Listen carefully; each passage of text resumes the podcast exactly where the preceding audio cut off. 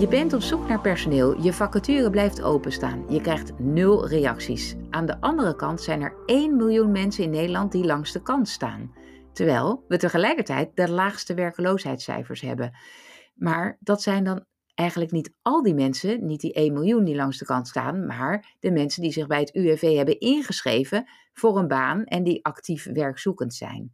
Er zit dus nog een groot gat tussen welke mensen echt actief op zoek zijn naar een baan en mensen die langs de kant staan. Daar gaan we het over hebben vandaag in de Werkprofessor podcast met Paul van der A, lector inclusieve arbeid aan de Hogeschool Rotterdam. Hij doet al 25 jaar onderzoek naar hoe we de arbeidsmarkt toegankelijker kunnen maken voor mensen met een kwetsbare positie. Is dit de oplossing die we zoeken voor het invullen van onze vacatures? Welkom Paul, leuk dat je er bent. Dankjewel. Mijn naam is Wendy van Ierschot.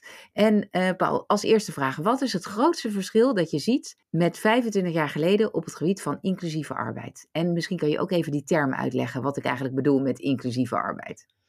Ja, nou, om met dat laatste te beginnen. Uh, met inclusieve arbeid uh, bedoelen we eigenlijk, of eigenlijk een inclusieve arbeidsmarkt, bedoelen we een arbeidsmarkt waarop iedereen uh, die dat wil, op basis van zijn eigen talenten, uh, via werk kan meedoen aan de samenleving. En dat betekent dus dat je rekening houdt met, met talenten, maar misschien ook met beperkingen. En dat je op die manier een zo groot mogelijke groep ja, een plekje geeft op die, op die arbeidsmarkt. Ja, ik ging jou vragen wat is het verschil met 25 jaar geleden, maar laten we eerst nog even vragen die 1 miljoen mensen. Hè? Want jij zegt er, er is 1 miljoen is best echt veel. Uh, mensen die langs de kant staan. Daar zitten natuurlijk ook mensen bij die bewust niet willen werken. Maar er zit dus nog best wel een grote, uh, ja, hoe zeg je dat? Een groot gat tussen mensen die actief op zoek zijn naar een baan. En uh, mensen die niet willen werken, die halen we eruit. Maar dan zit er nog een, een behoorlijk paar honderdduizend mensen tussen die ertussenin zitten. Wat voor mensen zijn dat? Nou, het, is in principe een hele gevarieerde groep. Um, maar als je een, een, aantal algemene kenmerken van die groep uh, zou willen benoemen, uh, voor een deel gaat het om mensen met verschillende typen gezondheidsbeperkingen. En die door die gezondheidsbeperkingen wat minder belastbaar zijn voor werk, maar zeker wel interesse hebben om, om aan het werk te gaan. Er zitten ook mensen bij die uh, al heel, heel erg lang thuis zitten, die heel erg lang werkloos zijn en daardoor ook ja, niet meer de vaardigheden hebben of de ervaring hebben om, op korte termijn aan het werk te kunnen gaan.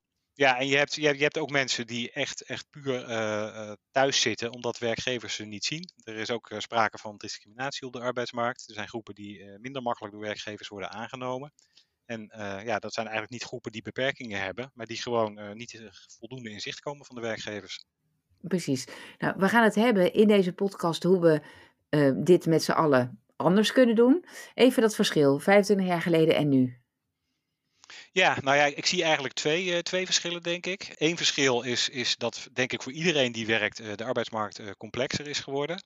we zien dat de arbeidsmarkt veel flexibeler is geworden, dat loopbanen veel minder zeker zijn, dat je niet meer precies weet als je op je 18e of je 20e aan het werk gaat, hoe je loopbaan eruit zal gaan zien.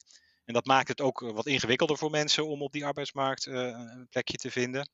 Een ander belangrijk verschil, en dat is misschien meer positief, is dat dat hele idee van een inclusieve arbeidsmarkt, uh, toen ik begon, werd dat vooral gezien als een verantwoordelijkheid van de overheid, als een soort publieke verantwoordelijkheid. Van nou ja, de overheid moet maar oplossen dat mensen lang in de bijstand zitten, of daar een oplossing voor zoeken.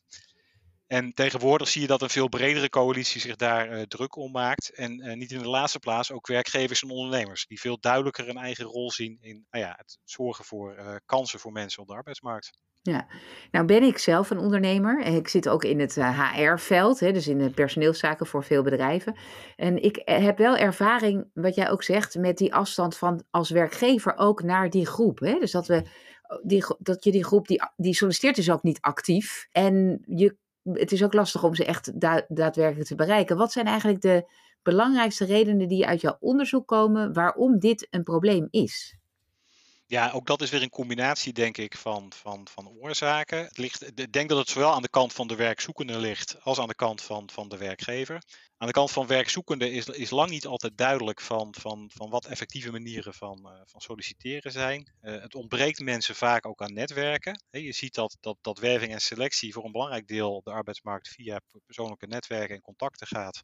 Terwijl juist mensen die werkloos zijn, die, uh, en zeker als je lang werkloos bent, dan heb je die netwerken helemaal niet meer. Dus dat, dat zit zeg maar aan de kant van, van, de, van de werkzoekende.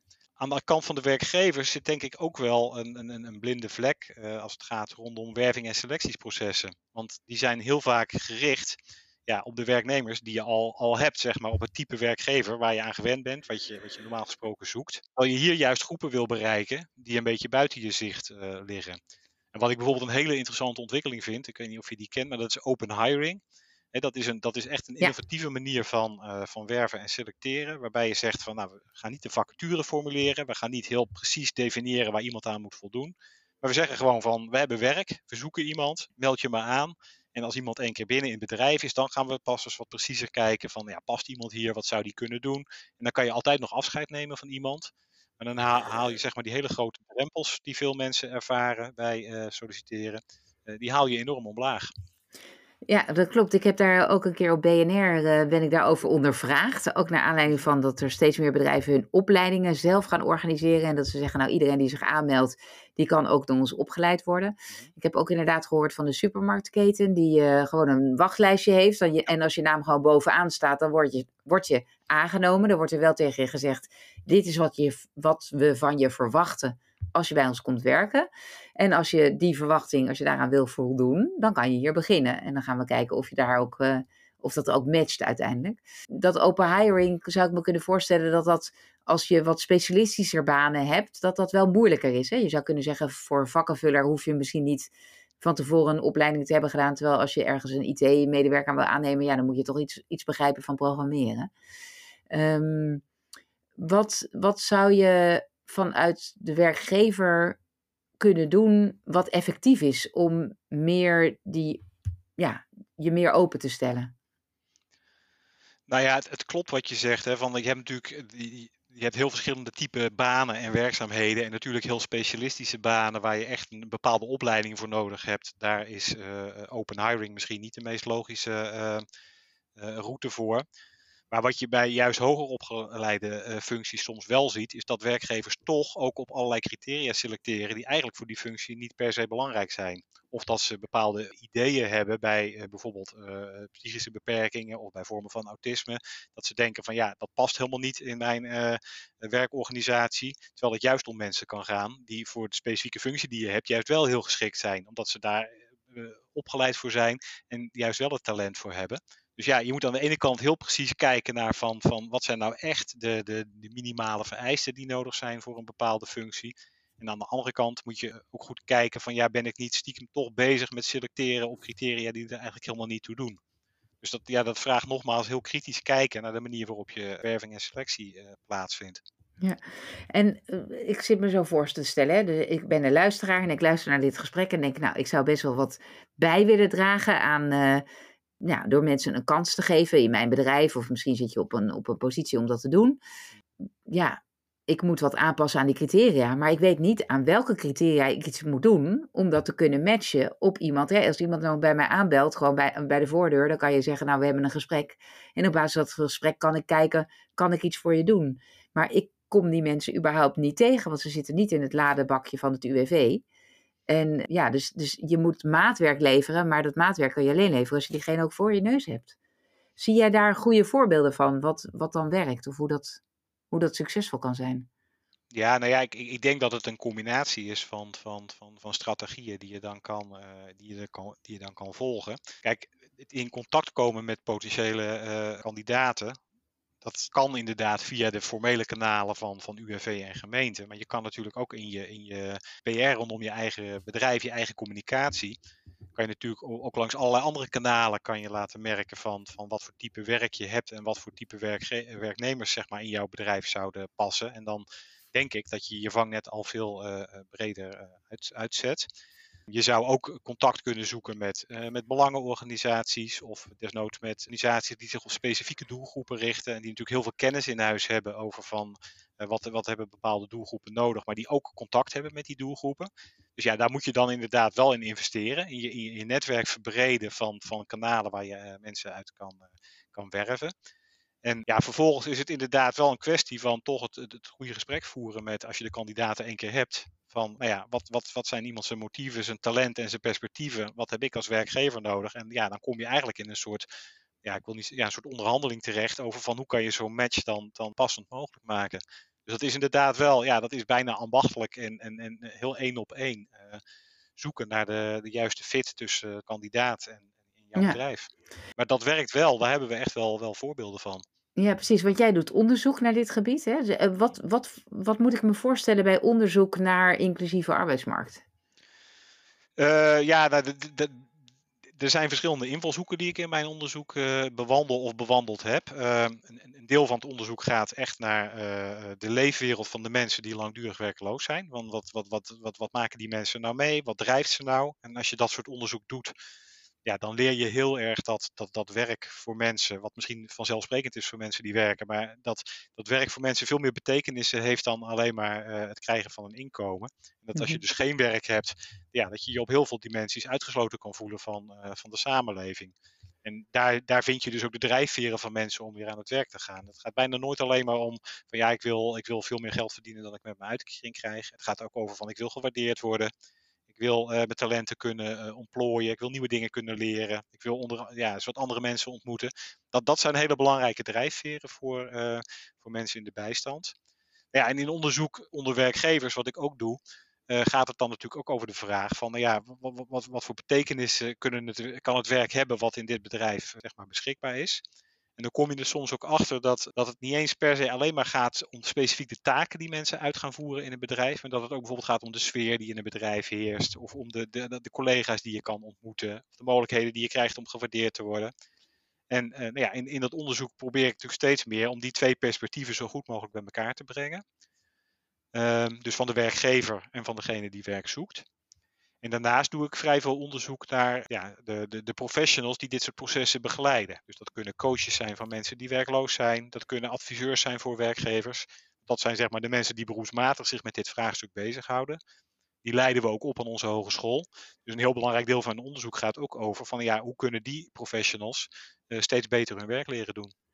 En, en die maken dus ook gebruik van de kennis uit ons onderzoek. Precies, want waar zit eigenlijk het belangrijkste toegevoegde waarde van die professionals die jullie opleiden? Nou ja, waar die in ieder geval zou moeten zitten. Of hij er in de praktijk altijd zit. Want ik denk dat daar ook nog best uh, professionaliseringsslagen mogelijk zijn. Maar de meerwaarde zit in de mensen die echt kunnen verbinden. En die netwerken kunnen ontwikkelen. En die zeg maar de, aan de ene kant die, die, die groep die een beetje onzichtbaar is en die thuis uh, werkloos zit, kunnen verbinden met die werkgevers die echt wel wat willen, maar die denken van ja, hoe moet ik dit nou aanpakken? Dus het zijn eigenlijk professionals die vanuit twee perspectieven echt kunnen redeneren en ondersteuning kunnen bieden. Ja, ik, ik, ik, moet denken aan een eh, vriendin van mij, Lies Pol. Die is echt uh, in het noorden heel goed in het matchen van mensen. Inderdaad, die, die nou, op een plek zitten waar het niet lekker loopt. En dan, ja, zij heeft ook zelf een heel groot netwerk, inderdaad, dat herken ik. Waardoor ze ook kan denken van, oh, ik kan misschien die HR-directeur bellen. Of ik kan daar eens misschien met iemand naartoe. Ze laat ook mensen zelf heel erg in actie komen. Uh, maar het simuleren daarvan en ook het weten van, hé, hey, als je dan die persoon gaat bellen als je iemand simuleert, dan weet je ook dat aan de andere kant iemand zit die dan ook even daar tijd voor maakt. Dat is natuurlijk heel goed. Zeker. En dat is ook heel mooi uh, werk om te doen. Als je kijkt naar dat, het grootste issue is eigenlijk, er is werk. Hè, er zijn werkgevers die niet hun vacatures ingevuld krijgen. En je hebt de mensen die dat zouden kunnen doen. Nou, je hebt al aangegeven van als je, als je daar naar op zoek wil gaan, dan moet je misschien kijken naar, um, zitten er in andere groepen, uh, in, in belangenorganisaties waar je misschien naartoe kan gaan om te kijken, hey, hoe, hoe, hoe krijg ik toegang tot die mensen? Heb je, heb je voorbeelden van bedrijven die dat op een hele creatieve manier hebben gedaan, die, die, die een succesvolle strategie hebben uitgewisseld om die match beter te maken? Uh, ja, daar heb ik wel voorbeelden van. Uh, ja, een voorbeeld wat me nou meteen te binnen schiet. Dat was een, een, voorbeeld. Dat is niet zozeer alleen werkgevers, want dat is ook wel ondersteund vanuit, uh, onder andere vanuit de gemeente, maar in dit geval ook vanuit uh, de voetbalclub Feyenoord. Ik kom uit, uh, uit Rotterdam. En die hebben matchingsbijeenkomsten georganiseerd. Ik weet eerlijk gezegd niet of ze dat nog steeds doen, steeds doen, in het verleden hebben ze dat gedaan. Waarbij ze zowel werkgevers als potentiële kandidaten, in dit geval waren dat vooral jongeren, eerst een, een voetbalkliniek gaven. Dus het ging allemaal niet over werk. Ze kregen een, een training van, van iemand namens Feyenoord. Uh, ik weet niet precies, iets, iets rondom voetbal. Maar dat creëerde een soort gelijkwaardige uh, sfeer. Want ze zaten eigenlijk alle, allemaal in hetzelfde probleem dat ze niet zo heel goed konden voetballen. En dat ze daar iemand voor zich hadden die dat wel kon. Dus dat gaf een bepaalde dynamiek. En pas daarna uh, ja, werden er een soort klikgesprekken gevoerd. Waarbij gekeken werd van, van ja, of die werkgevers en die jongeren, of die iets voor elkaar konden betekenen. En dan lag dus niet vanaf de start de druk op van er is een vacature en je moet gaan solliciteren en je moet hier aan het werk. Maar dat was een soort, dat, dat en dat creëerde een, een soort goede, goede sfeer. En daardoor komen mensen, in dit geval jongeren, komen dus ook echt aan het werk. Of die krijgen in ieder geval een kans om bij een werkgever uh, te beginnen. Dus dat, dat vind ik een voorbeeld van een hele creatieve manier van, uh, van matchen. Waardoor je zorgt voor een goede sfeer, waarin je niet te veel druk legt, maar het uiteindelijk wel natuurlijk uh, erover gaat. Ja, dat is inderdaad een hele goede manier, omdat je dan ook eerst op een relationele manier, en wat eigenlijk het belangrijkste is voor succes als je naar maatwerk toe moet, dat je daar als eerste aan werkt. Ja. En dat zouden, uh, overigens in andere podcasts hebben we het vaak over dat als je je doelgroep wil bereiken, dat je iets moet organiseren wat die doelgroep interessant vindt. Uh, dus ze zeggen vaak, als je, hè, stel dat je op zoek bent naar developers, of je bent juist op zoek naar salesmensen, of je bent op zoek naar HR-mensen, of whatever je, jij zoekt. Uh, probeer dan activiteiten te organiseren waar je weet dat die doelgroep in geïnteresseerd is. En dan in die bijeenkomsten die je dan organiseert, daar komen ze dan wellicht op af. En dat mm, creëert dan een band en dan kunnen ze daarna misschien wel of niet bij je solliciteren. Ja. En je zou ook kunnen zeggen, voor dat soort bijeenkomsten kun je dan misschien ook kijken, hey, kan ik mensen uitnodigen van, met een andere achtergrond of, een, of een, meer een afstand tot de arbeidsmarkt? En hoe zorg ik dat onze activiteit ook zichtbaar wordt voor die doelgroep? Zeker. En, en, en wat daarbij ook, waar ik ook wel eh, een eh, grote voorstander van, van ben, is uh, uh, mensen zeg maar vrijblijvend kennis laten maken met, met, met werk en met werkomstandigheden. Dus zeg maar allerlei vormen van, van werkervaring, van stages, van snuffelstages die werkgevers kunnen bieden. Dat zijn hele belangrijke manieren om, om, nou ja, om het contact tussen werkgevers en mogelijke kandidaten tot stand te brengen. Maar ook om het beeld van werk bij mensen die werk zoeken uh, echt concreet te maken. Ja. Want we hebben ook een periode gehad dat mensen heel veel, uh, ja, zeg maar in theorie allerlei trainingen moesten volgen of allerlei eindeloze begeleidingstrajecten kregen zonder dat het ooit een keer over echt werk ging. En op het moment dat ze dan een keer bij een bedrijf komen of een keer een werkgever zien of, of, of een keer kunnen, bepaald werk kunnen uitproberen, dan wordt het opeens veel concreter. En dan, dat doet ook iets met de motivatie. En van de kant van de werkgever doet het iets met de beeldvorming die hij heeft van, van, van mensen in de bijstand of mensen die werkloos zijn. Ja. Dat, dat ontmoetingen organiseren en concrete werkervaring bieden, dat is volgens mij ook een heel belangrijk mechanisme. Wat ja, precies. Maar het doet me ook wel denken, als ik jou dit hoor zeggen, aan uh, Sandra Balei, volgens mij. Die uh, is van Sea Talent. En zij is vooral bezig met het bemiddelen van mensen die met een visuele beperking uh, lopen. Maar ze, ze doet dat ook breder. En ik heb van haar ook begrepen dat veel werkgevers ook wel denken van, nou, je bent visueel beperkt, dus ik kan jou ook minder betalen. Of ik kan jou alleen maar stageplekken geven. Want we moeten er ook meer aan doen om jou te faciliteren om het werk te kunnen doen. Terwijl dat ook oneerlijk is. Want Absoluut, eh, ze kunnen misschien dat inhoudelijke werk heel goed doen. En ja, ze hebben misschien hier en daar een aanpassing nodig. Maar niet dat je dan ook uh, maar een kwart van het salaris gaat betalen. Of de hele tijd op stageniveau blijft zitten. Komt dat ook bij jou uit onderzoek eigenlijk? Hoe dat zit met uh, ver betalen en wat er voor nodig is om dat gezond te houden? Ja, nou ja, kijk, ook werkgevers en ondernemers zijn natuurlijk een enorm diverse groep. En dat, dat weten we ook, ook uit onderzoek. Um, Kijk, de positieve kant van dit verhaal is dat we zien dat het nou ja, ongeveer, en dit kan je ook negatief beoordelen, maar ongeveer 20% van de werkgevers is echt actief bezig met het idee van een inclusieve arbeidsmarkt. En die koppelen dat ook uit maatschappelijke betrokkenheid. En die zullen dus ook altijd zeggen van ik wil fatsoenlijk betalen. Ik bedoel, dat hoort er gewoon bij. Want als je zegt van ik, ik wil waardevol werk bieden, daar hoort ook gewoon een fatsoenlijke betaling bij. En bovendien, als je mensen uit deze doelgroepen anders zou gaan betalen, dan doet dat ook wat met het gevoel van de bijhoren. Dat ja. is natuurlijk niet eerlijk. Als jij... Ja, en ook denk ik voor, ja, voor je collega's. Hè? Dus als ik gewoon een collega ben, dus ik ben niet de werkgever, maar ik werk samen. Dan, dan denk ik ook dat mensen dat mooi vinden. Dat je je, je best doet om een inclusief bedrijf te zijn. Mm -hmm. uh, maar dat er dan geen oneerlijke betaling bij hoort. Nee, dat, ja. dat, dat, dat werkt averechts inderdaad. Dus, dus in die zin van zeg maar, de werkgevers die wat dat betreft ook, ook, ook echt zeg maar, een brede visie op inclusie hebben en dat ook vanuit hun eigen overtuigingen doen, daar, daar, daar, daar zie ik dat. Voor zover je dat kan zien natuurlijk, maar zie ik dat niet. Tegelijkertijd moet je wel heel, je moet, je moet wel bedachtzaam zijn, ook op, op, op werkgevers die denken van nou, ik kan er een slaatje uitslaan of ik kan lekker uh, goedkoop of zelfs onbetaalde krachten krijgen, want ze krijgen toch een uitkering. Maar goed, dat is ook een gemeenschappelijke verantwoordelijkheid ook van de UWV's en de gemeente om daar natuurlijk wel goed, om dat goed in de gaten te houden. Ja, ja. En het is ook goed dat er subsidies zijn voor het begin, hè, dat je weet waar je aan begint. Uh, maar op een gegeven moment moet het dan omgaan naar uh, betere.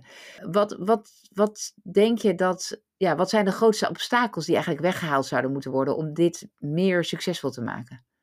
Nou, ik, ik denk dat, dat, dat, dat ik heb twee partijen net genoemd hè, die, die een grote rol spelen. Aan de ene kant de werkgevers, aan de andere kant zeg maar, de publieke organisaties bij UWV en gemeenten. Ik, ik, denk dat aan werkgeverskant dat het heel, heel behulpzaam kan zijn als we op een wat andere manier gaan kijken naar hoe ze hun werk definiëren. Hè? Dus wat minder in termen van vaste functies met hele harde eisen en strikt afgebakende eisen. En veel meer kijken van nou ja, welke taken wordt door mijn vaste medewerker die ik al heb gedaan, maar welk deel van het werk, bijvoorbeeld administratief werk of, of zeg maar routinematig werk, waar ook een, een wat lager opgeleide kandidaat zou kunnen doen, kan, ik afsplitsen, zodat je veel, ja, eigenlijk veel flexibeler kijkt naar uh, het werk wat, wat gedaan moet worden, omdat je daarmee ook veel meer mogelijkheden uh, schept voor mensen die misschien niet 100% voldoen aan de, aan de eisen die je normaal gesproken stelt. Dus dat, dat, dat is denk ik een obstakel dat ook verholpen kan worden aan de kant van de werkgevers.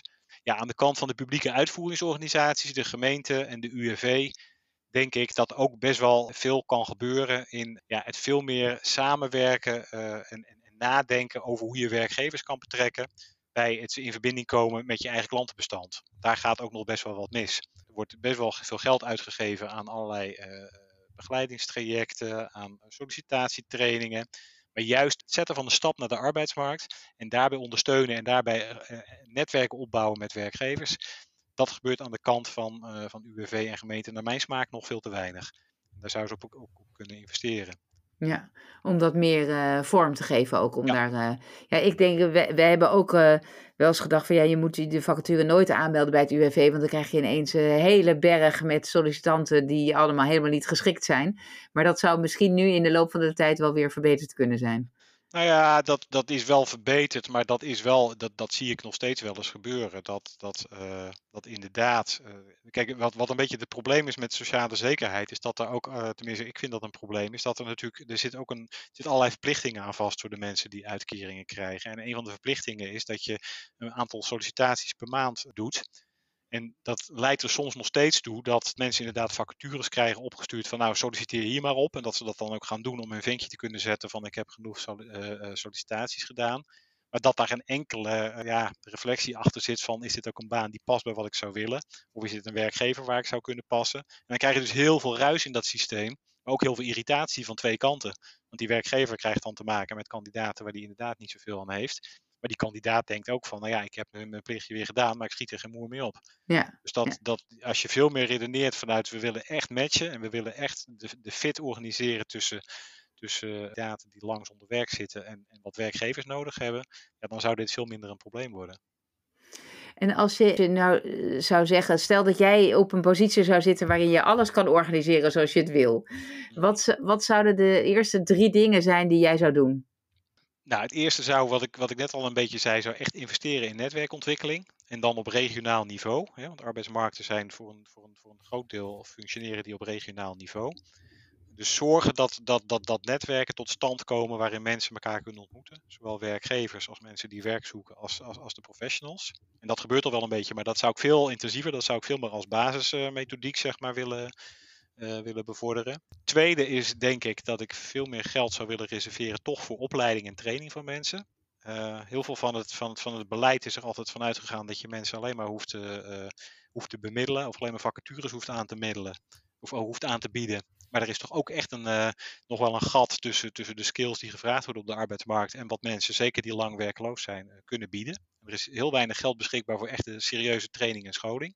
Hm. Daar zou ik dan, uh, als ik het mocht zeggen, veel meer geld voor besteden. Ja, en het laatste is, is, is denk ik ja, veel meer rugbaarheid geven, veel meer zichtbaarheid geven aan de, aan, aan de voorbeelden waar het goed gaat. Die, die, die voorbeelden ook een beetje in het zonnetje zetten. Dus, dus, dus werkgevers die hier hun nek voor uitsteken ook, uh, ook waarderen, dat ook laten zien, dat ook in de publiciteit brengen. Want nou ja, dat, dat helpt ook weer om een veel grotere groep voorbeelden te geven van hoe je met deze, deze problematiek kan omgaan. Ja, Ja. Ja, en dat, en dat kan ook inspirerend zijn inderdaad voor anderen om dat ook te doen. Of, en nu blijft dat allemaal een beetje te veel aan de, aan de zijlijn misschien Ja, het blijft voor mijn gevoel een beetje in een, in, in, in een net iets te klein kringetje van mensen die heel goed bezig zijn en die het ook goed bedoelen. Maar je wil eigenlijk een veel grotere groep hier eh, ja, op activeren, zou je kunnen zeggen. Ja. En als je nou kijkt naar al die jaren dat je onderzoek hebt gedaan, zijn er dan dingen waar je soms wel eens echt verbaasd over bent geweest? Dat je denkt, hè, dat dit uit dit onderzoek komt, dat had ik nooit verwacht. Ehm, nou ja, e- e- een van de dingen waar ik, waar ik wel verrast door was, dat was ook aan de, aan, aan, bij, bij onderzoek onder, onder werkgevers. Dat is dat ik toch een paar keer werkgevers ben tegengekomen die behoorlijk ver gaan in het ondersteunen van hun eh, ja, wat kwetsbare werknemers. En dan moet je denken aan werkgevers die eh deel schulden opnemen. Ik heb voor, overnemen. Ik heb eh, voorbeelden gehad van werkgevers die s'morgens hun werknemers letterlijk thuis gingen ophalen omdat ze geen vervoer hadden of omdat ze misschien wat moeite hadden met op tijd uit hun bed komen.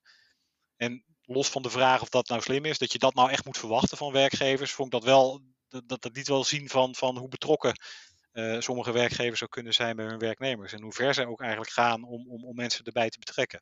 Dat, Hm. dat, dat verraste mij ook wel. Dat had ik ook niet zo verwacht. Dat een beetje het clichébeeld is natuurlijk dat, dat werkgevers vooral bezig zijn met, met zo laag mogelijke kosten hebben en nou ja, zoveel mogelijk werk laten verzetten. En dit gaat echt veel verder. Dus dat verraste mij wel. zijn dus nog echt mensen die ook willen investeren in gemeenschap en, eh, en mensen een kans willen geven. Zeker.